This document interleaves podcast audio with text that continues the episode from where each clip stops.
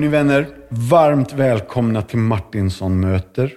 Podcasten som vill vara en röst till tro, tröst och hopp från fadderbarnsorganisationen Compassion. Det är jag som är Martinsson och frågan till er gäster är Vem är Mr Åberg för dig? Är han den långa smala killen med solbriller, banjo och tigerdräkt eller den vilsne, älskvärde charterresenären som bränner sig i stolen, solen, stollar sig i skidbacken, sjunker till sjöss eller gräver hårt med golfsvingen? Eller är han den grafiska designern, Musses multikonstnär med ett eget museum och det enda i sitt slag? Eller är han artisten som ständigt sjunger om minimänniskornas rätt och miljöns minimimåsten och pelikaner, bananer, pårökta svampar. Och av bananer kallas han för Trasan, men i EBB vill han tydligen ha artistnamnet Tigen. Och visste du att han avslutade sitt sommarprat 2013 med en bön? Idag har vi den stora äran att hälsa mannen som tycker att dålig humor alltid piggar upp. Herr Åber, Eisbitte, Lasse, varmt välkommen till Martinsson möter. Mm, tack, tack. Jätteroligt att du är här och att vi fick till detta. Jag tänkte börja, och nu säger jag alltid fem snabba, men de får ta den tid det tar. Det är i alla fall fem frågor och sen går vi in på din life story lite grann. Är du beredd? Ja, ja. Mm. Shoot. Hur ser din drömdag ut? Eh, när jag har ett trevligt uppdrag framför mig som jag känner att det här kommer att bli kul. Ah. Då trivs jag. Ja. Som själva fisken i själva vattnet. Japp. Och om du bara fick äta en måltid resten av livet, vad skulle det då vara? Eh, det blir definitivt medelhavsmat. Ah. Grönsaker och eh, fisk, eller grönsaker och... Eh, inte så mycket nötkött, men varför inte kyckling? Ja. Kravkyckling. Ja, just det. Har det någonsin hänt dig någonting som du inte kunde och som du fortfarande inte riktigt kan förklara? Det som vi i kyrkan kallar för ett, ett under eller ett tecken eller ett mirakel. Ja, jag, lustigt nog läste jag en grej häromdagen som jag tyckte var väldigt fin. Och det påstås att det var kära Albert Einstein som sa att vissa tror inte på mirakel och vissa tror att allt är ett mirakel. Det är ja. väldigt vackert sagt. Va? Bra. Mm. Mm. Vilken är din mest använda emoji? Ingen. Gött! Jag har ingen på den här telefonen. Ja, men det är bra. Det är bra, jag har förstått det.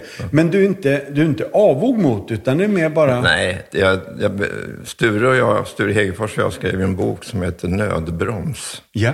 Och då var det då en handbok för eh, framsynta bakåtsträvare. Just det. Och eh, bland annat så var det då att, att eh, det här Ernst Billgren som har sagt att först uppfinner man en grej och sen skapar man behovet. Yeah. Men det borde vara tvärtom, att man har ett behov och sen fyller man det med någon underbar uppfinning. Så vi är lite grundlurade där, tycker jag. Ja, jag är med. Mm. Vi hör dig. Du, det här går ju fort. Det här är den sista av de här första fem nu då. Men den här kanske tar lite längre tid att svara på. Om du kunde dela en lång trerättersmåltid med fyra individer som är nu levande eller sedan länge döda. Vilka skulle du då välja? Och det där är svårt. Ja. Det är väldigt svårt. Ja, det, därför tog jag den Det är som att fråga hur långt är ett snöre. Ja.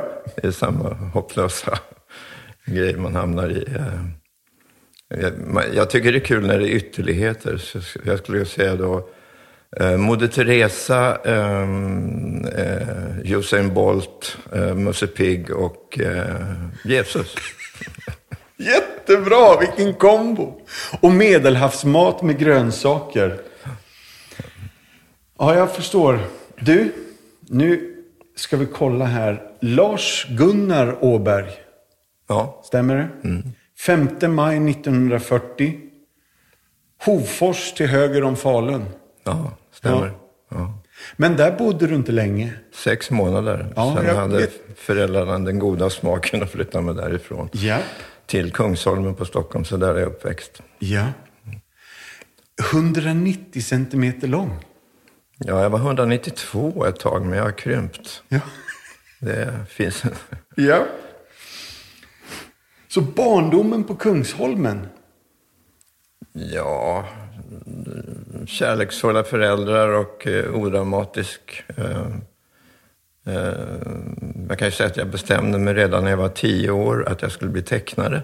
Ja. Därför att eh, omgivningen, det vill säga fastrar och mostrar och andra, sa ju Åh Lasse, du ritar så bra. Du ritar så det ser tryggt ut. Och då Ja. tänkte jag, tusan också, jag är ett geni. Ja. Så sa jag, jag ska bli tecknare. Ja.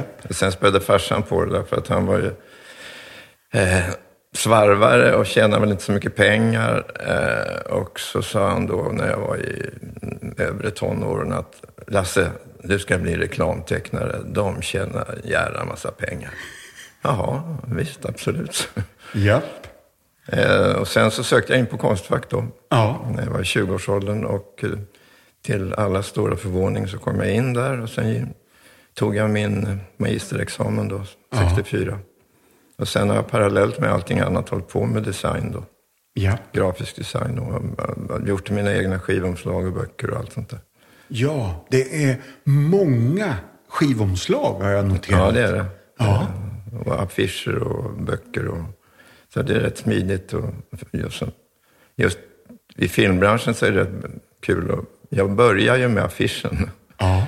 Och sen så, det är rätt praktiskt för då kan till exempel attributörer och sådana som håller på med rekvisita, de kan ta affischen så kan de gå till en möbelaffär och så säger att jo, vi håller på med den här filmen, så håller Ja. de upp affischen. Kan vi få låna en soffa? Ja. Istället för att säga, jo, vi håller på med en film, skulle vi kunna... Så att eh, på något sätt så blir filmen en realitet för alla, när man börjar med affischen då. Just det. Stämmer det att du har gjort en affisch till en Ingmar Bergman-rulle? Ja, tyvärr blev den refuserad, men den är jättesnygg. Ja. Ja, det var tystnaden. Ja, någon svartvit, eh, Svartvit, läcker ja. grej. Ja, lite. jo, men den, den, den de gjorde, tycker jag, inte alls blev så snygg som min faktiskt. Nej, just det. ah. Vad fångar din uppmärksamhet som konstnär? Jag är, när jag gick på Konstfack så kom ett av de största skiftena i 1900-talets konstliv, nämligen popkonsten kom. Eh, Och jag gick eh, andra året på Konstfack och då kom den första utställningen som heter Fyra amerikanare till Moderna Museet. Och jag blev helt begeistrad. Och eh, man kan säga att popkonstens mantra, det är att om du inte hittar någonting inom en meter ifrån dig som du kan teckna av eller måla av, så är du ingen riktig konstnär. Så man kunde ta en soppburk då som Andy Warhol, eller man kunde ta en seriefigur som Liechtenstein, eller man kunde ta vad som helst, verktyg som Jim Dine och påstå att det här tycker jag är vackert. Och som Warhol också sa, allt är vackert. Ja. Det är en väldigt fin inställning. Ja. Och då började jag på lek samla på Disney-figurer och använda dem som modeller i mina bilder. Och i början var det ju väldigt oselektivt. Det var ju en massa skräp sådär. Kunde köpa någon badskumsflaska i Bålsta färghandel med sån här Musse Pigg look Just det. och så vidare. Men sen blev jag intresserad och mer och mer kräsen. Och nu har vi eh, faktiskt en av de bättre samlingarna i världen på museet här. Och det är gamla grejer. De är från 28, i stort sett fram till 40. Just det. Eh, så det är riktiga rariteter. Och väldigt lite är svenskt då, utan det är japanskt, tyskt, eh, franskt, amerikanskt. I ditt konstnärliga skapande, finns det några ingredienser som är extra viktiga eller till och med omistliga i ditt skapande? Ja, jag vill att eh, det går till så här att jag tycker jag kommer på en klurig idé och så börjar jag fundera på den. Jag skriver upp det i min bok eftersom jag Eh, är lite noga. Idéer är en bristvara kan jag säga. Och sen så gör jag en skiss och sen så tänker jag, orkar jag hålla på med den här? Och sen så gör jag bilden, visar den för min fru, hon fnissar. Och sen säger jag, den här ska jag nu göra. Jag bara nu gör collage eller grafiskt blad och sådär. Så att jag vill att folk ska uppleva en slags aha-grej. Eh, Och ofta ser jag att folk står och tittar på vernissager på mina bilder och så plötsligt så faller polletten ner. Va? Ja. Och då fattar de, aha. Jag har gjort en, jag kan visa den sen, en bild på, som jag döpt till World Cow. Där man ser en ko och så tittar folk på den, jaha, en svartvit ko. Men svarta i kon är då världskartan. Och det ser inte folk från början. De, ser, de noterar bara ko. Ja. Och så säger de, nej men titta. Så, den reaktionen vill jag komma åt. Du har någon gång sagt, jag fick en harv när jag var 18. Vet du vad du refererar till? Vad fick jag en? En harv. Ja, visst.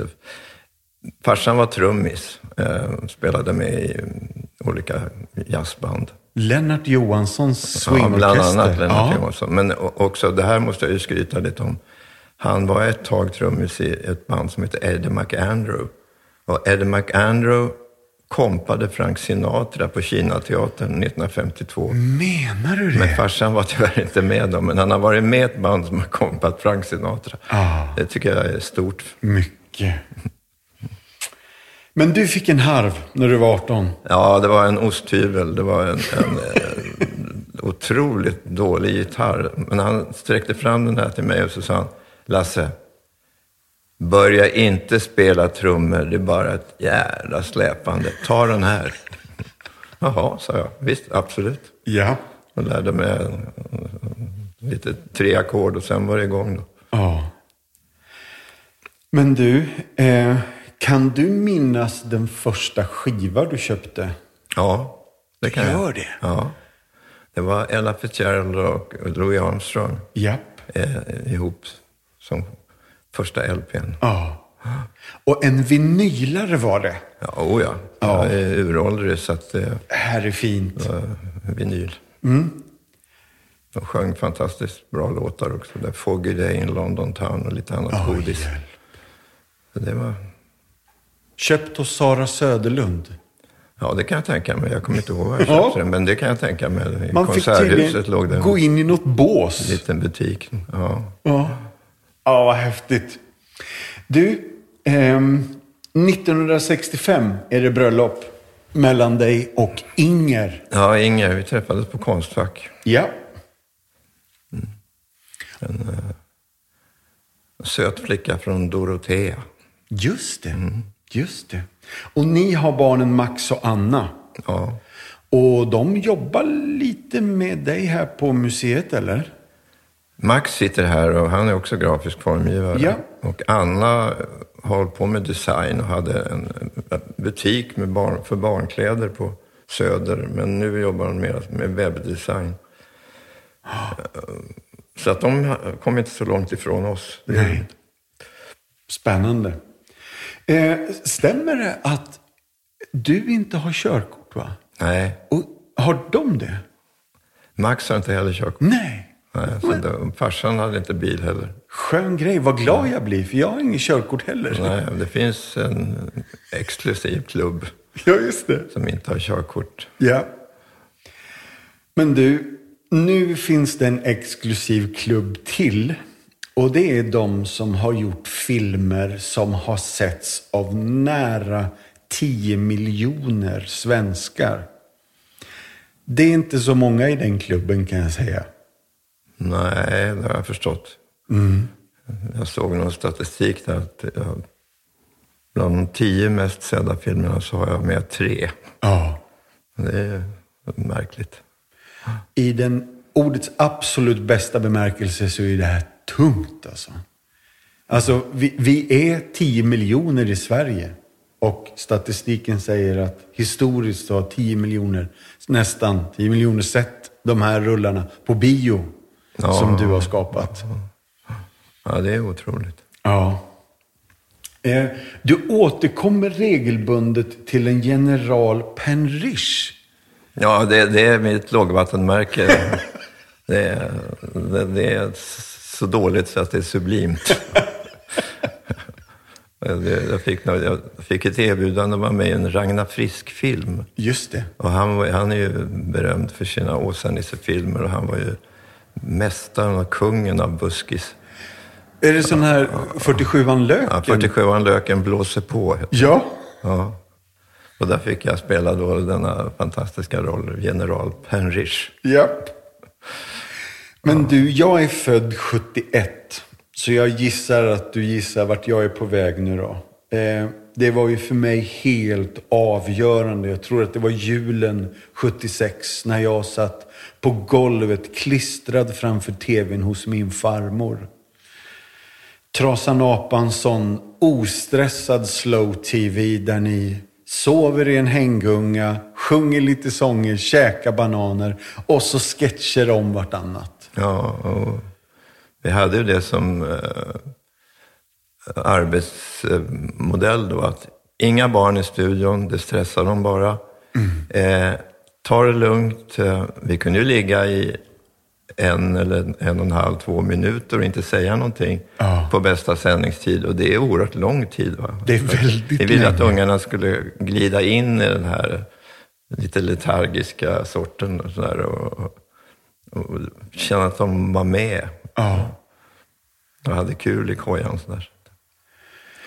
Var det, var det modigt på den tiden? För nu är det ju här angeläget. Ja, jag vet inte. För det här jobbet tillkom eh, så att jag fick en fråga om jag ville göra någonting som heter julblocket. Mm.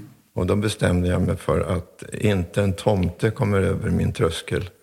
För det är så mycket tomtar just då. Yeah. Så då gjorde jag något helt annat. Då gjorde vi den här pastischen på Tarzan och hans apa Cheetah då. Och då blev Cheetah-rollen fick Klasse Möllberg ha då som apan Banarne. Yep. Och jag hette då, då Trasan, som är en variant av Tarzan. Yep. Och så apornas son blev Apansson. Då.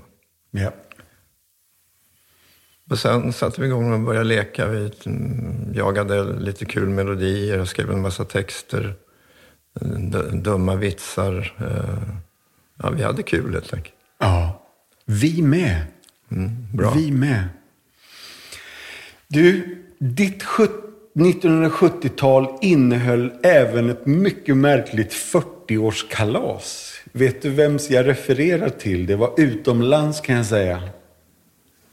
Ja, jo, jag hade Bosse Jonsson, min producent, ja. var god vän med en jugoslavisk eh, regissör, Dusan, som eh, hade gått på Independent Film School i Berkeley tillsammans med Coppola. Och vi blev då bjudna på Coppolas 40-årsskiva. Ja. Och då tänker alla, åh vad exklusivt. Och då gick alla omkring i smoking och sådär. Men det var tvärtom, det var som en hippiefest. Ja. Eh, på hans vingård i Somoza. Oh. Där folk var faktiskt klädda som hippies också. Det var, det var väldigt eh, trevligt och mm. anspråkslöst. Det enda som andades Hollywood, det var när plötsligt landade Robert De Niro med helikopter mitt i partyt. Och, och, för han hade flugit från Los Angeles då. Men annars var det ja, som en hippiefest. Just det. Och jag har nästan förstått att De Niro eh, landar på åken och alla är ganska imponerade utom hönsen. Ja, de blir jätterädda. Så bra. Du, jag testar eh, minnet igen här, för du har ju spelat fotboll i tv-laget. Ja. Är det sant att det är nästan 200 matcher? Nej, det kan det inte vara. Men eh, det, låt säga jag var med i tio år. Aha.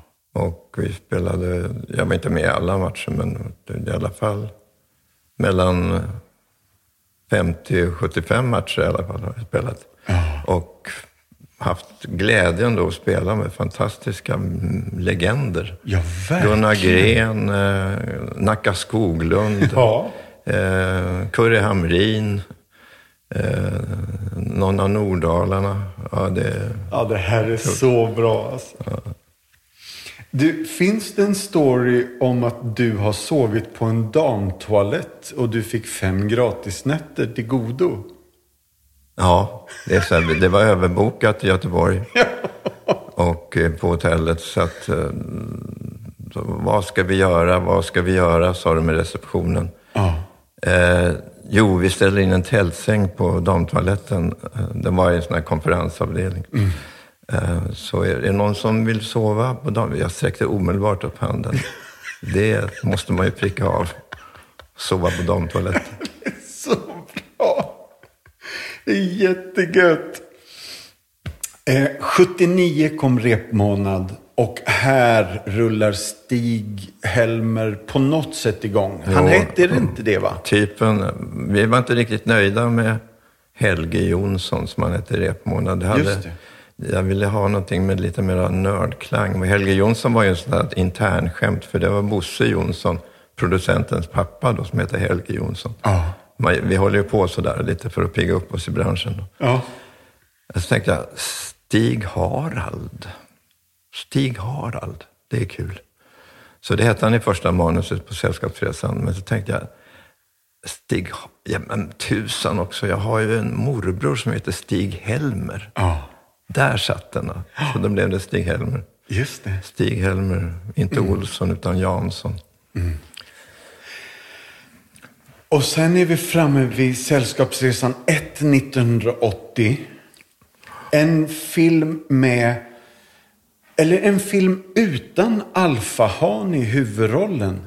Och starka, tydliga kvinnoroller i birollerna med starkt patos.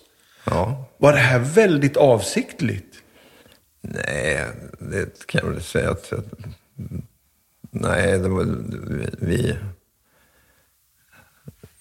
De eh, tjejer som jag hade haft äran att umgås med, det var ju den här typen av tjejer Ja. runt om. Så att vi ville bara visa eh, olika typer. Alltså man, en chartergrupp kan man säga tar omedelbart olika roller. Ja. En är lustigkurren, en är den som krökar för mycket. Det är alltid några mm, pigga flickor med som eh, är kompisar. Eh, och alltid några vilsna människor som, eh, och alltid något ny- nygift par. va. Det kan man nästan säga är en regel. Så att det var ju just att man kunde visa de här olika typerna. Hur de gör då när de är på charterresa. Ja. Och det här handlar ju om Stig-Helmer Olsson, den lilla människan i den stora världen. Och jag tror att du uttryckte att du ville hjälpa svensken genom att spegla oss. Ja, jag, målsättningen var att hålla upp en spegel så att eh, visa att så här gör vi när vi är på sjön. Så här gör vi när vi åker på charterresa. Så här gör vi när vi är på skidsemester. Ja. Och eh, gärna att någon skulle känna sig lite träffad då, eller känna så där gjorde grannen. Eh, och sen jämföra sina egna upplevelser med dem eh, jag hade visat på film. Det var ju målsättningen då. Plus att de skulle fnissa naturligtvis. Ja. För mig som jobbar inom kyrkan, jag har ju rest på skidläger varenda vinter med fullastade bussar med ungdomar. Och du anar inte, alltså den här filmen åker på hela tiden i alla år. Snowroller. Men eh, nu går vi händelserna i förväg. För ja, 1981 så får du Ingmar Bergman-stipendiet. Ja, det var ett pris som eh, han tyckte att jag hade fått svenska folket att skratta. Ja. Och det var ju verkligen ett pris från andra änden av branschen kan man säga. Ja. Men eh, det var lite roligt att den som delade ut priset till mig var Jörn Donner. Just det. Och han hade då bara några minuter innan sagt att sy- syrligt att Sällskapsresan, eh, den är gjord av en eh, människa med en fyraårings intelligens för en publik med en fyraåring intelligens. Och sen var han tvungen att dela ut det här priset till mig. Ja. Mycket märkligt alltså. Men jag, ja, jag gillar ironin i detta också. Jag tycker att det är jättefint. En avgörande tv-serie 1984, Svampen. Och jag, eftersom jag redan har nämnt om mina kyrkliga påbrå här och så vill jag minnas att du klär regelbundet ut dig till präst i de här. Och bland annat sprayar du en vägg. Ja, jo. Ner med bysantinsk kyrkomusik. Den tidiga gregorianska kyrkomusiken. eller? Alltså, det här är ju ganska nördig humor alltså. Vi i kyrkan skrattar ju så vi får kramp. Men hur hittade du det här? Jag tror jag snodde det faktiskt. Jag hade sett det någonstans Ja. som citat. Japp. Och Underbart. tänkte, ja, jo. ja, den är inte dum. Ja. Och oblater vill jag minnas. Några stora oblater med, med eh, nyttiga fullkorn. Eller? Ja, stapelbara predikstolar hade vi och eh, eh, vad var det mer vi, vi hade? Skulle modernisera eh, prästkåren genom att eh, lära dem lite slang vill jag minnas. Ja, det också. Ja. Det talar normalt. Japp. Ja, det Ja, det var en kul sketch. Mycket roligt. 85 kommer Sällskapsresan 2. Eh, Snowroller hette den ju initialt va? Eller det kanske den heter fortfarande. Ja, Den blev ju folkmun direkt, Sällskapsresan 2, men den heter Snowroller. Ja. Och det var ju resebyrån i filmen som heter Snowroller. Ja. Vi skapade ju en fiktiv resebyrå med en skidåkande kanin och en snygg logga faktiskt. Mycket. Den är fortfarande het. Och sen 87 är det Disney-time. Ja, det var kul. Jag var ju rätt man för det. Japp. Och då fick jag gräva bland favoriterna där. Och, eh, för de, sen har de ju fortsatt med Disney Time. Ja. Men jag fick ju ta ut russinen ur Disneykakan. Ja, Och hade väldigt roligt. verkligen. Skapade en eh, rätt märklig miljö också. Jag hade med då en massa eh, designmöbler i någon fiktiv studio och eh, det fanns ett galleri som var eh, konstruktiv tendens, typ, hette det. Ja. Då kan du ana vilken typ av konst det var. Men där hade de en eh, Rietveld-stol en som heter Red and Blue i skylt- skyltfönstret. Och den hade jag med då i Disney Time. Ja. Och då kom det, för första gången i galleriets historia, kom det in barn och frågade, är det där stolen som är med i Disney Time? Just det. Personalen blev lätt förvånad. Ja. 1988 kom SOS En sällskapsresa 3. Och eh, 91 kommer Den ofrivillige golfaren. Ja, Och någon har gjort en, jag vet inte om det heter travesti, men någon har skrivit Den ofrivillige ikonen om dig Lasse. jaha, okej. Du är inte helt bekväm med att vi kallar dig legend. Där kan jag berätta en rätt fantastisk historia. Eh, här är jag ju byfånen i Bålsta och eh, när jag cyklade ner mot eh, centrum i avsikt att köpa dagens gröpe så cyklade jag förbi ett sånt här dagisgäng med varselvästar. Ja. Och de, började, de kände ju igen mig då och började pipa. Lasse Åberg, det är Lasse Åberg. Hej Lasse Åberg! Och så var det en unge som skrek En levande legend. fem, sex år gammal. Det är helt riktigt. De har lärt sig. Eh, Den ofrivillige golfaren, där vann du en Guldbagge för bästa manliga huvudroll. Ja, det var fantastiskt. Mycket. Och helt riktigt och välförtjänt. Men jag har hört att du under inspelningen av en scen eh, fick hjälpa en av Sveriges absolut största skådespelarlegender att tagga ner lite. Ja, det var, det var fasansfullt. Det var, eh, jag tyckte att eh, Bosse hade, kände ju Erland Josefsson och Så var ville att han skulle vara med och vara lite sån här cameo, Ja. som en slags konstkritiker. Och jag tyckte han var lite eh, sådär... eh, eh, Dramaten lite, lite. Dramatenläge på Ja. rösten. Så, och då hade jag ju en inre kris. Kan jag gå fram till en av Sveriges främsta skådespelare och säga att Hörru du, kan du... ja, oj. Så jag var tvungen att hitta på någon sån där fikonspråk. Då. Kan du eh, modulera lite mindre eller någonting där? Så gick jag fram och sa, men det var, det var en pers. Ja.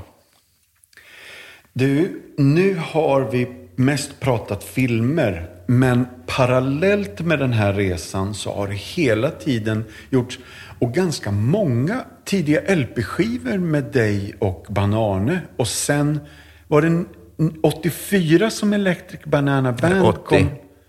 80? Ja, det var, förhistorien är att eh, eh, de stekte första serien och det, och det betyder att man avmagnetiserar Ja. band. De här tretumsbanden som man spelade in på var väldigt dyra. Ja. Så de hyrde SVT in alltså. Ja. Och då återanvändes de.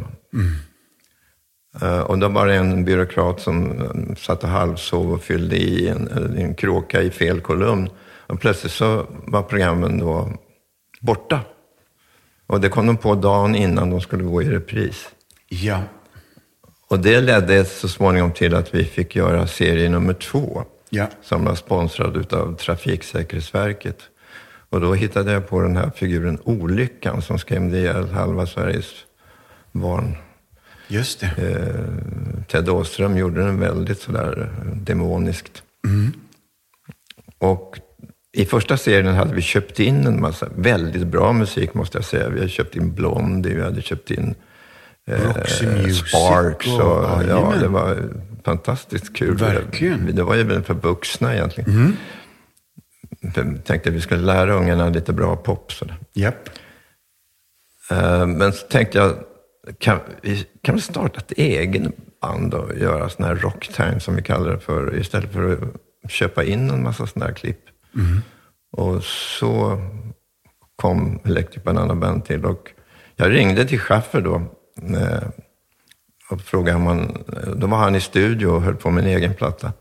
Frågade om, eh, skulle du kunna tänka dig att vara med i ett, ett, eh, ett mm, typ djungelband som heter Electric Banana Band. Ja, visst, sa han. Det, Ja. vilka, vilka är det i studion med? då? Ja, det är Tommy Kassemar och det är Peter Ljung och... och ehm, kan du fråga dem också? De kanske tycker det är kul. Det, ja, visst, visst. Eh, och de ställde upp då. Men det de inte visste var att de skulle ha djurkläder på sig. Men eh, de nappade. Ja. Och eh, vi trodde ju att ja, det här flyger väl, det här bandet flyger väl den här säsongen när programmen visas då. Ja. Men eh,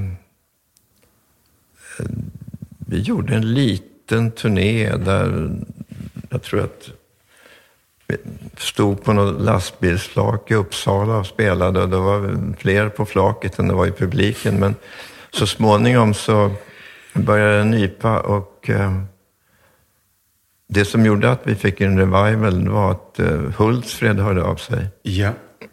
Och eh, vi tänkte det kommer väl några stycken sådär. Och då spelade vi mellan Nick Cave och Monica Zetterlund. Yeah. Och eh, när vi kom ut på scen så var det ja, typ 25 000 i publiken. Jag har hört de här siffrorna. Ja, det, det var... eh, Jag tror vi toppade med Sweden Rock, där var det nog 30 000. Ja. Men Globen dubbelt upp va, två kvällar i rad. det- Ja, det är fantastiskt. Ja. Så att vi hade någon peak där kring 2000, eh, något år, några år efter Hultsfred. Japp. Och, och sen har vi hållit på, jag menar, det, vi spelar några gånger per år på olika ställen. Och Mycket märkliga spelningar. När, när de hade invigningen av eh, Öresundsbron för entreprenörerna så spelade vi mitt på bron. Vi har spelat på eh, ambassaden i Riga där publiken, eh, 5 procent av publiken förstod svenska Ja. och så vidare. Så det Ja. har varit en väldigt märklig resa med bandet.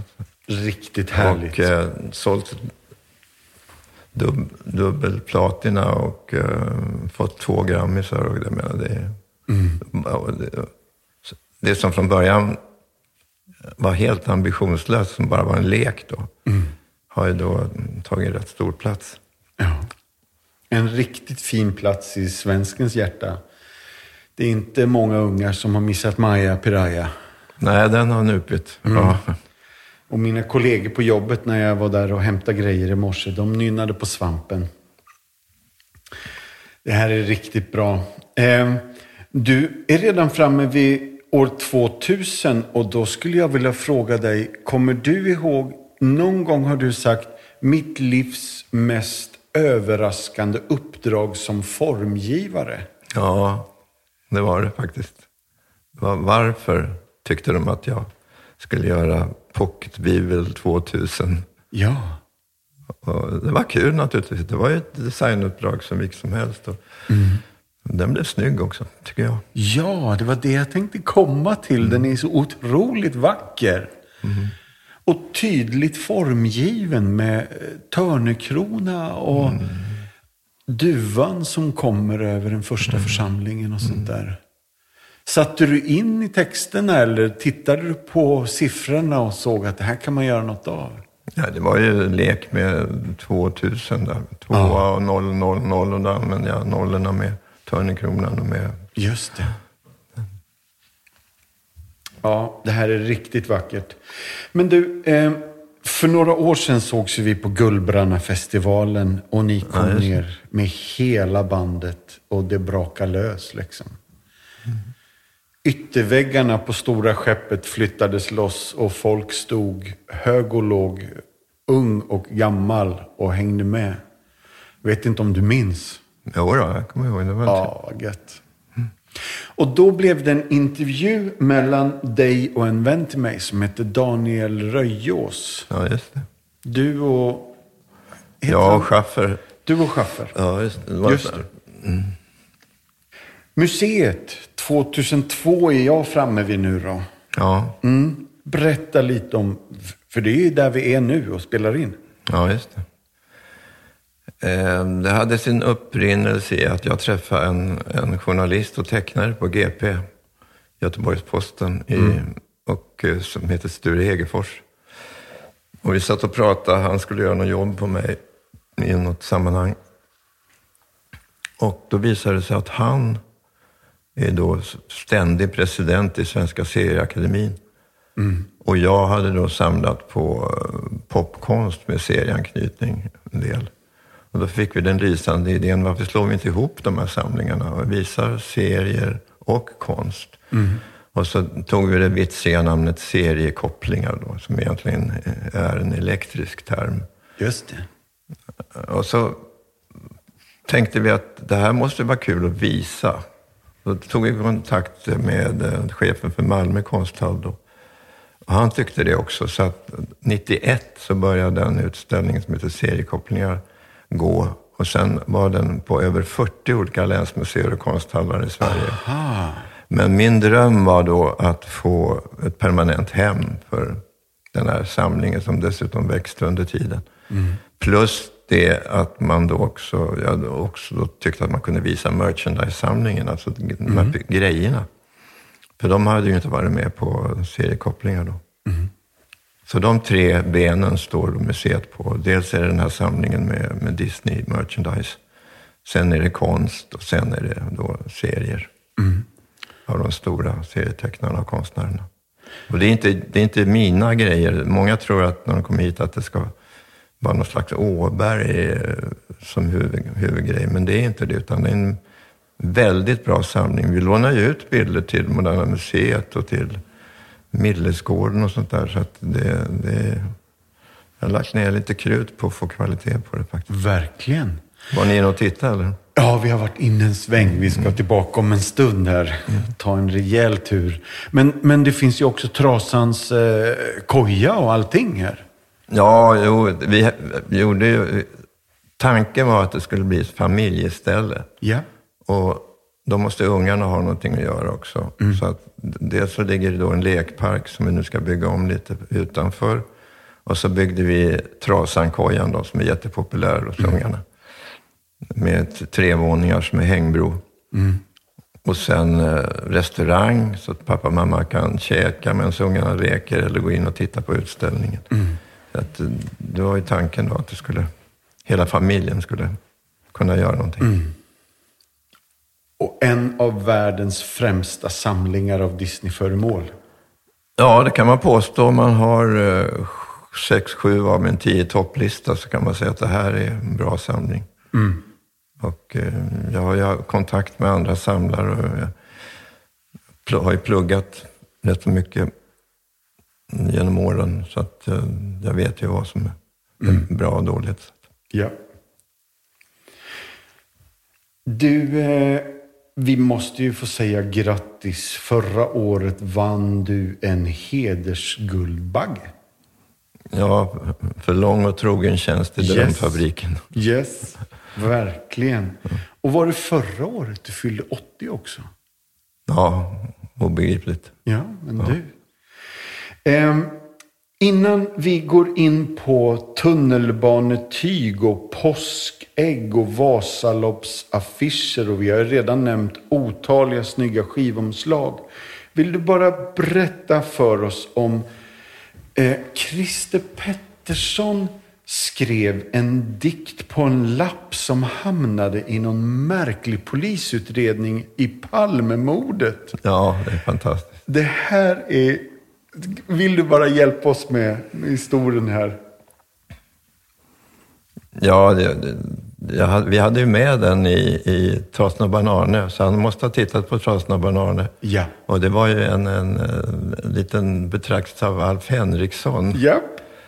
eh, som polisen brydde sina huvuden med. Vad kan det här vara för någonting? Vad menar Christer Pettersson med det här? Ja, Men var alltså, det här han hade ju suttit och tittat på, antagligen och tittat på barnprogram då. Det, det är rätt absurt. Ja. ja. Det är ruggigt udda och väldigt roligt. Eh, tunnelbanetyg, vill du berätta för oss om det?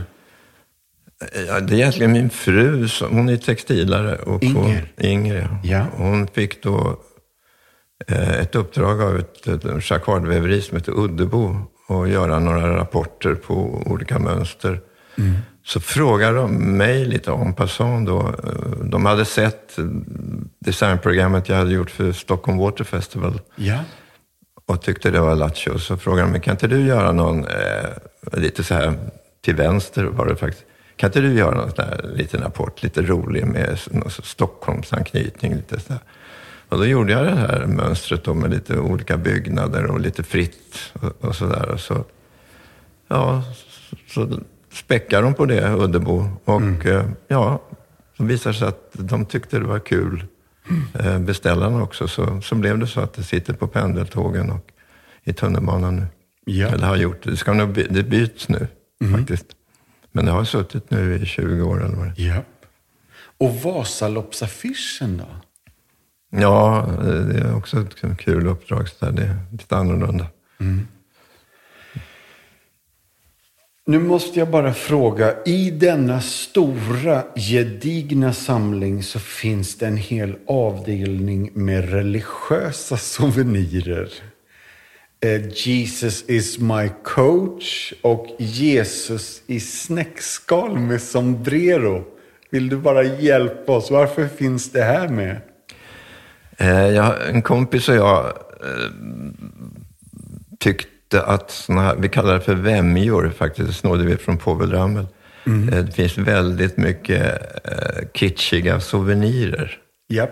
Och eh, vi började samla på det vi kunde hitta på loppisar och sånt där och ställde in i ett skåp som vi kallar för fulskåpet.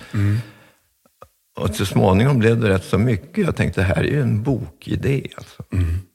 så jag gjorde då en, en bok som heter Souvenirer med, med den här samlingen. Och den har också vandrat runt lite på olika museer och sådär. Och då visade det sig att eh,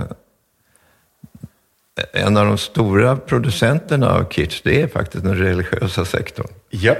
Ja, och eh, bland annat då, och sen om, kan man ju säga att, att den här eh, eh, presenter som eh, DDR gjorde är också en stor fruktansvärda pennställ med raketer och, Ja.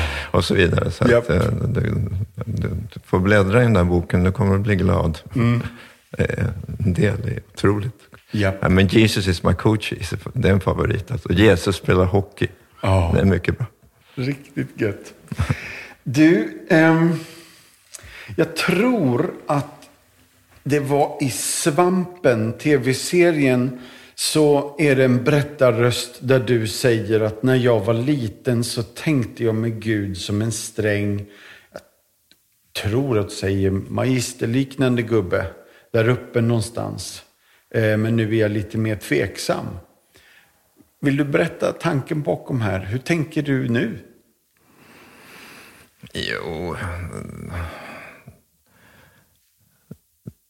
Ja är ju på sätt och vis, som alla människor, en sökare. Men eh, ja, vi hade ju ingen religiös tradition hemma. Eh, Jag använde ju morgonandakterna som eh, väckarklocka faktiskt. Eh, För att mitt i morgonandakten, då visste jag att då var det dags att kila iväg till plugget. Eh, Och sen... eh, eh, Jag tror naturligtvis att eh, the, force finns. Och sen kan man välja att kalla det vad som helst. Jag tror på två stora delar av det är liv. Vad är liv? Och vad är tid? Och de är ihop.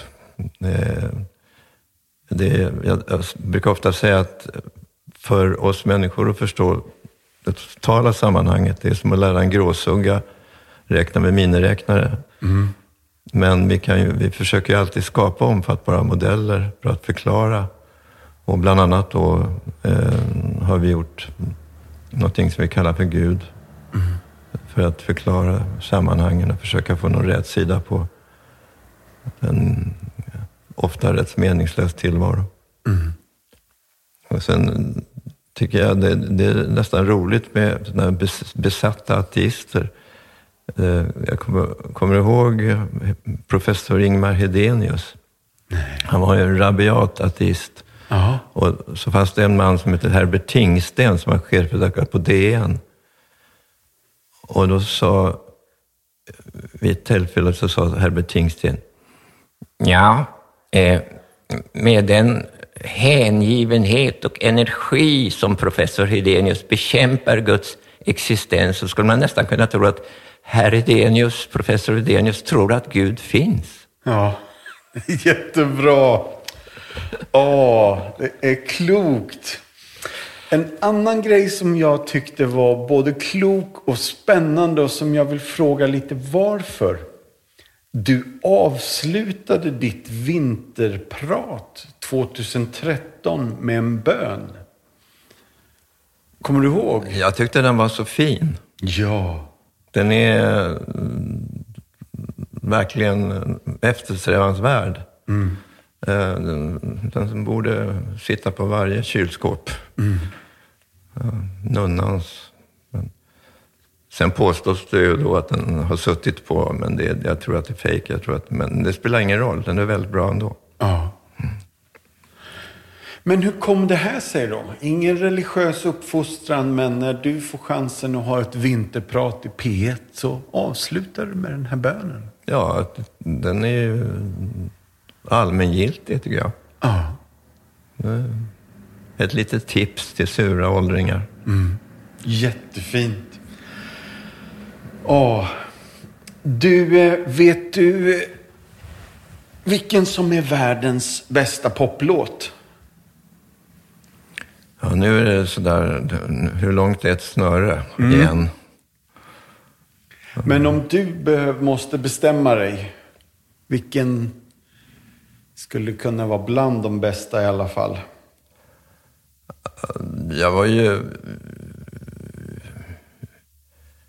jazzsnubbe fram till början av 60-talet. Men då, jag har ju till och med träffat Beatles. Just Så jag kommer att välja någon eh, Beatles-låt tror jag i sådana fall. Ja.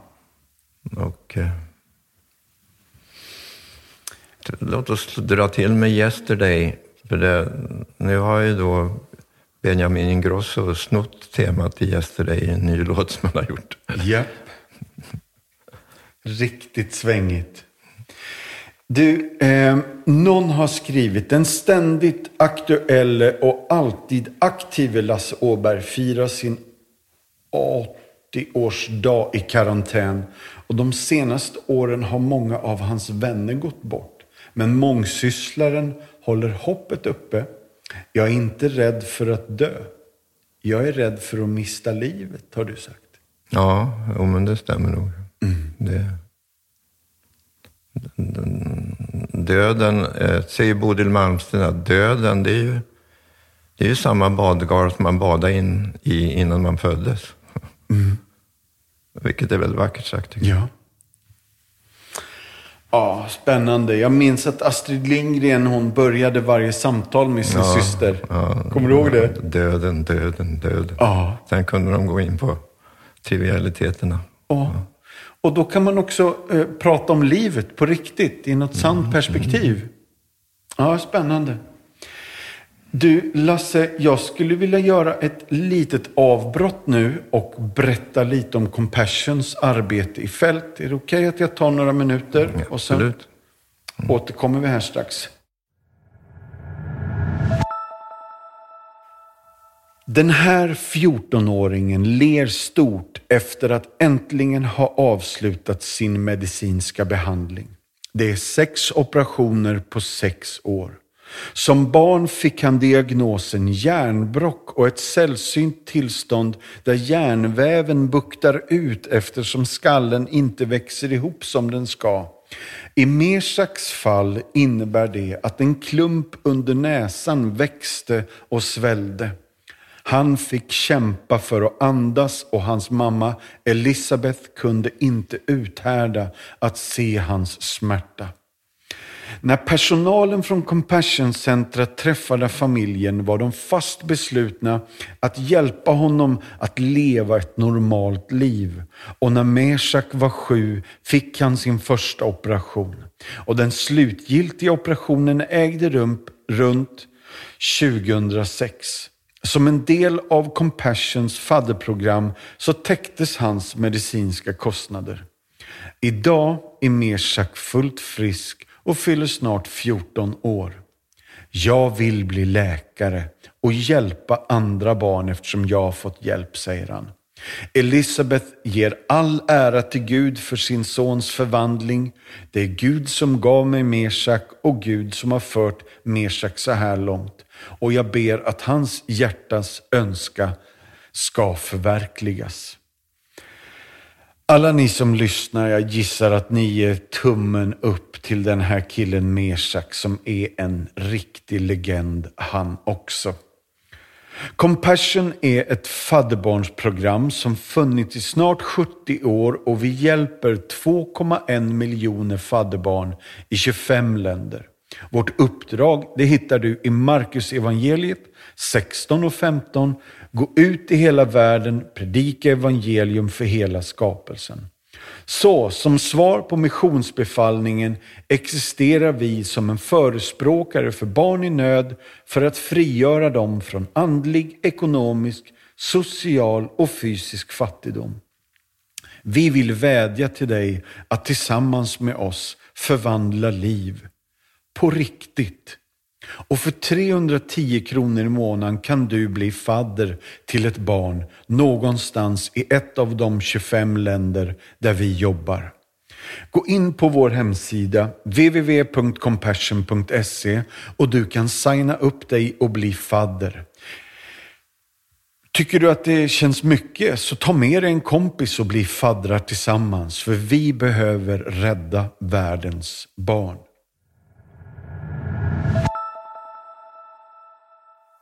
Så då Lasse, nu har jag pratat klart igen.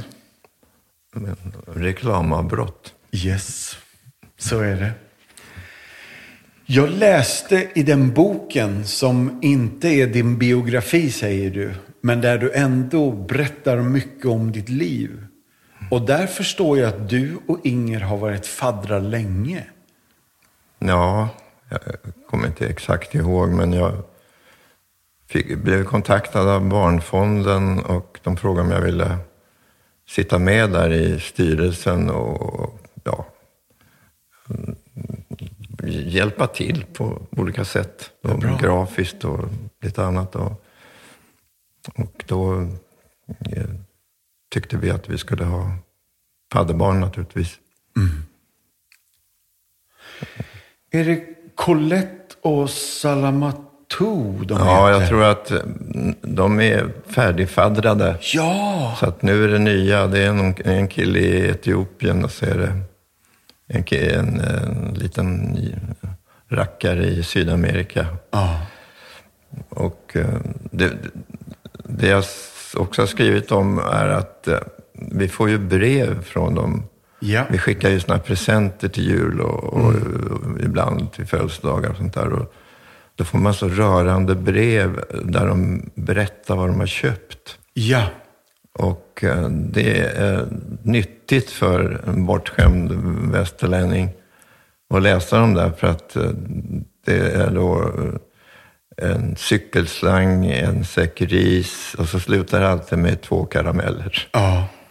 Jag har sett någon sån här lista du har skrivit. Men det är inte bara cykelslang. Det är tre par skor, två getter och Ja, två kilo ris och tio meter tyg och sånt. Ja, precis. Det är fantastiskt. Ja. Varför? Det är väl del för man vill påstå att man är en god människa och så vill man lätta lite på trycket, samvetet, Ja. känna att man i alla fall gör någonting. Ja. Det, det, jag kom ju på en, en pay-off som det heter på det här språket som man pratar på reklambyråer. Eh, ett givande som ger. Ja. Det kom jag på att Barnfonden skulle ha som... Ja. Du har skrivit någonstans att det är nyttigt för er att vara faddrar. Det är säkert bra för dem, men kanske mest för oss. Ja, det stämmer. Ja. Det stämmer. Det här är fint. Jag tror någonstans att du har skrivit att det är verkligen ett givande som ger och kalibrerar oss in i ett större sammanhang som får oss att vakna upp i vår skyddade verkstad och Ja, se oss det. Omkring. där, det tycker jag. Ja. Du, det här känns både fint och viktigt och angeläget. Eh, och utan att tråka er som lyssnar med statistik så är det så att det bästa sättet att rädda världen på, och det här låter ju väldigt stort och dramatiskt när man säger det, det kan nog vara en av de absoluta i topp är att bli fadder och hjälpa ett barn ut ur fattigdom. Och det här med myggnät och vatten, rent vatten och att hjälpa människor i den här situationen. Ja, jag är bara imponerad av att du tar med det här i din life story när du vill berätta vem du är. För jag vet att du gör ett tumavtryck i våra liv, men jag tror att den här tjejen Colette, hon avslutade sina brev. Med ett tumavtryck, ja. ja. Yes. Det är också lite rörande. Jättefint. Så, om vi ska gå ner för landning nu, tycker du att fadderskap är någonting att rekommendera? Ja, om, man har kommit in i programmet nu, podden, så har vi haft en massa bra argument för det i, tidigare i podden. Så det tycker jag absolut. Och det är som försumbar summa egentligen och det gör så stor glädje och nytta i andra ändan. Så att, eh, det tycker jag absolut. Vi ska gå ner för landning. Eh, det har jag redan sagt förut här. Men Lasse, jag undrar, skulle du kunna tänka dig att läsa den här bönen? Eh, från den här engelska nunnan som kanske fanns på 1600-talet i Wells Cathedral. Ja, jag kan den inte utan till. Ja, jag har den här. Herre, du vet bättre än jag själv att jag håller på att åldras och jag, att jag en dag ska vara gammal. Avhåll mig från den fatala tron att jag måste yttra mig i alla ämnen och vid alla tillfällen. Befria mig från begäret att jag ska ordna upp alla människors angelägenheter. Gör mig tankfull, men inte dyster. Hjälpsam, men inte beskäftig. Hjälp mig att inte repetera ändlösa detaljer. Ge mig vingar som för mig till saken. Försegla mina läppar angående mina krämpor och besvär. De tilltar. Det känns allt mer frestande att älta bekymren. Jag vågar inte be om ett förbättrat minne, men jag ber om en växande ödmjukhet och mindre tvärsäkerhet när mitt minne inte stämmer med andras. Lär mig den strålande läxan att jag tar fel ibland. Låt mig få bli någorlunda angenäm. Jag vill inte vara någon helgon. Somliga helgon är svåra att leva med.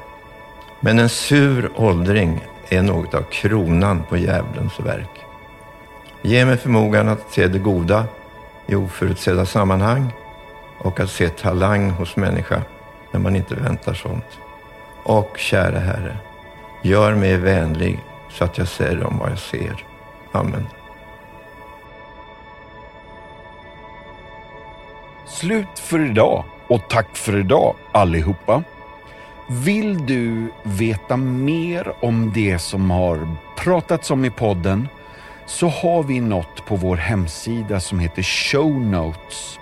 Där kan du se alla länkar till sånt vi pratar om när vi refererar till en film eller en bok eller en sång. Då finns de länkarna där, så gå in på compassion.se så hittar du helt enkelt massa extra material.